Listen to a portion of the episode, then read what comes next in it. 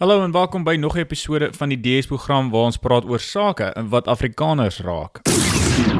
Hierdie episode wil ek afskop met 'n wenk. As jy graag na podcasts luister en jy wil net bietjie daarna vinniger luister, veral die wat nuus het en die wat jy wil deurkom vinniger, daar's ons meeste podcast spelers 'n funksie waar jy dit vinniger kan stel. En daarmee bedoel ek as ek nou hierso kyk na die podcast speler op iTunes as jy op iPhone kyk, maar jy kan op enige ander dit ook doen. Links onder gee dit vir jou 1 maal, 1 en 'n half maal of 2 maal so vinnig of selfs 'n half maal as jy baie stadig wil luister. Dit mag dalk nie vir almal se oor mooi wees om so te luister hoe mense vinniger praat nie. Dit help my veral as ek na nuus goed luister, maar as ek na luister na byvoorbeeld weg podcast se stories, wil ek dit kalm, stadiger in gewone tyd luister. Maar uh, ek weet nie of dit gaan help nie as dit help, probeer. En om by die vleis van hierdie episode uit te kom, wil ek praat oor selfbeskikking. Selfs al loop ek die risiko om soos 'n plaat wat vashak te klink. Dit bly een van die oorvleelende temas van hierdie potsending in verband met Afrikaners en dit maak sin om elke nou en dan net in te loer om te sien of daar enige nuwe verwikkelinge is onder hierdie onderwerp. Nou of jy dit secessie, afstigting, irredentism, wat nog 'n term is ensovoorts noem, dit bly een van die moeilikste kwessies onder Afrikaners veral. Daar's nou al soveel verskillende organisasies wat min of meer selfbeskikking vir Afrikaners probeer werkstel. Maar vir een of ander rede kom hierdie organisasies net nie lekker van die grond af nie en ek is nie seker presies wat dit is nie, maar kom ons gaan lees oor waaroor sommige van hulle staan weer. En as ek net hier begin lees, dan kom ek agter hoe donders moeilik dit is om saam te staan oor sekere kwessies. Laat ons begin ons net by die kwessie van landgebied. Een organisasie streef om meeste van Suid-Afrika as Afrikaan Afrikaner grond te probeer claim. 'n Ander soek die ou Boererepublieke terug. 'n Derde organisasie soek selfbeskikking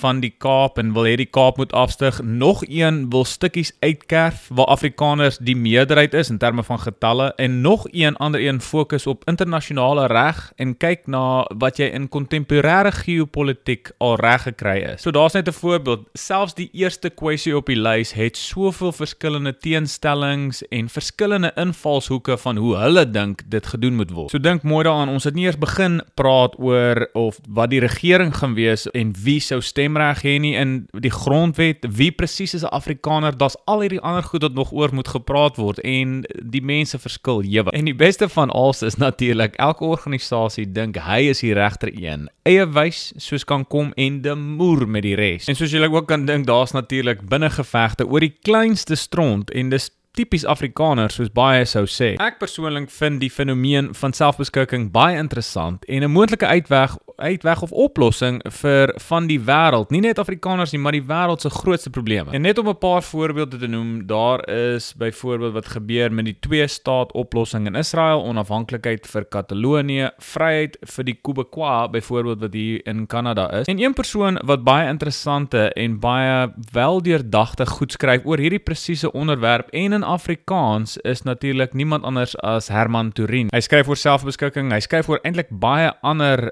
uh onderwerpe ook en dit is verskriklik interessant om te gelees wat hy sê. Ek sal van sy werk wat ek baie interessant vind in die beskrywingsafdeling van hierdie episode sit. En verder op die onderwerp, ek het onlangs eers uitgevind dat Herman Turin in 'n stryd teen kanker gewikkel is en dat hy 'n Backabuddy bladsy het waar jy kan gaan help om sy chemobehandeling se kostes te dek. Backabuddy is natuurlik uh, so Suid-Afrika se GoFundMe. En ek het al soveel genot geput uit Herman se skrywe. Dit was vir my baie maklik om 'n bydrae te maak tot sy fonds en ek hoop julle doen dieselfde. Weereens sal ek skakel tot daardie Backup Buddy bladsy ook in die beskrywingsafdeling plaas en ek wil ook hierdie geleentheid vat om te sê meneer Turin, ek wens jou alle sterkte toe. Maar om terug te kom by die onderwerp van selfbeskikking, as Afrikaners dit eendag reg kry en ons eie vrye plekke in die son het, wie gaan dan ons tuine vir ons omspit of ons kinders se gatte kom afvee? Baie van ons is mos te goed vir daardie werk of hoe is dit? Want was die idee nie oorspronklik van Suid-Afrika in die tuislande destyds nie? Die probleem is as mense wat jou goed vir jou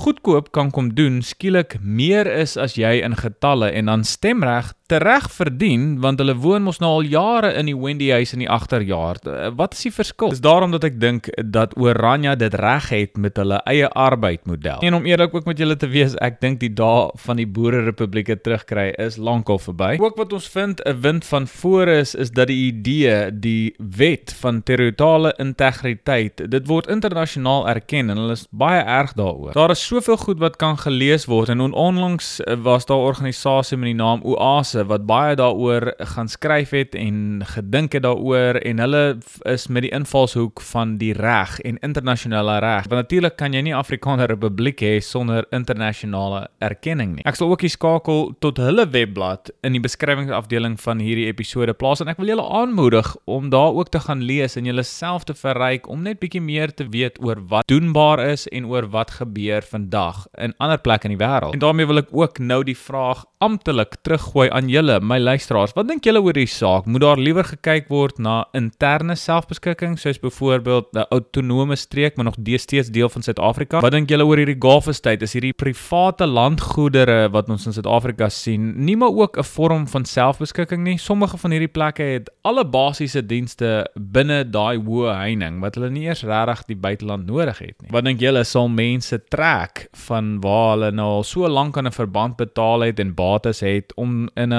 Afrikaner land area te gaan woon? Of is al hierdie goed, hierdie hele episode, hierdie hele idee net 'n klomp wensdenkery en dagdrome? Laat my weet in daardie daardie kommentare op Twitter of dis eintlik waar ek hierdie episode gaan afsluit. As jy hou van wat ek hier probeer doen, teken in deur die subscribe knoppie te druk daar op jou skerm en laat asseblief ook 'n resensie op Apple Podcasts. En soos altyd tot 'n volgende keer, mag julle voorspoed julle verveel.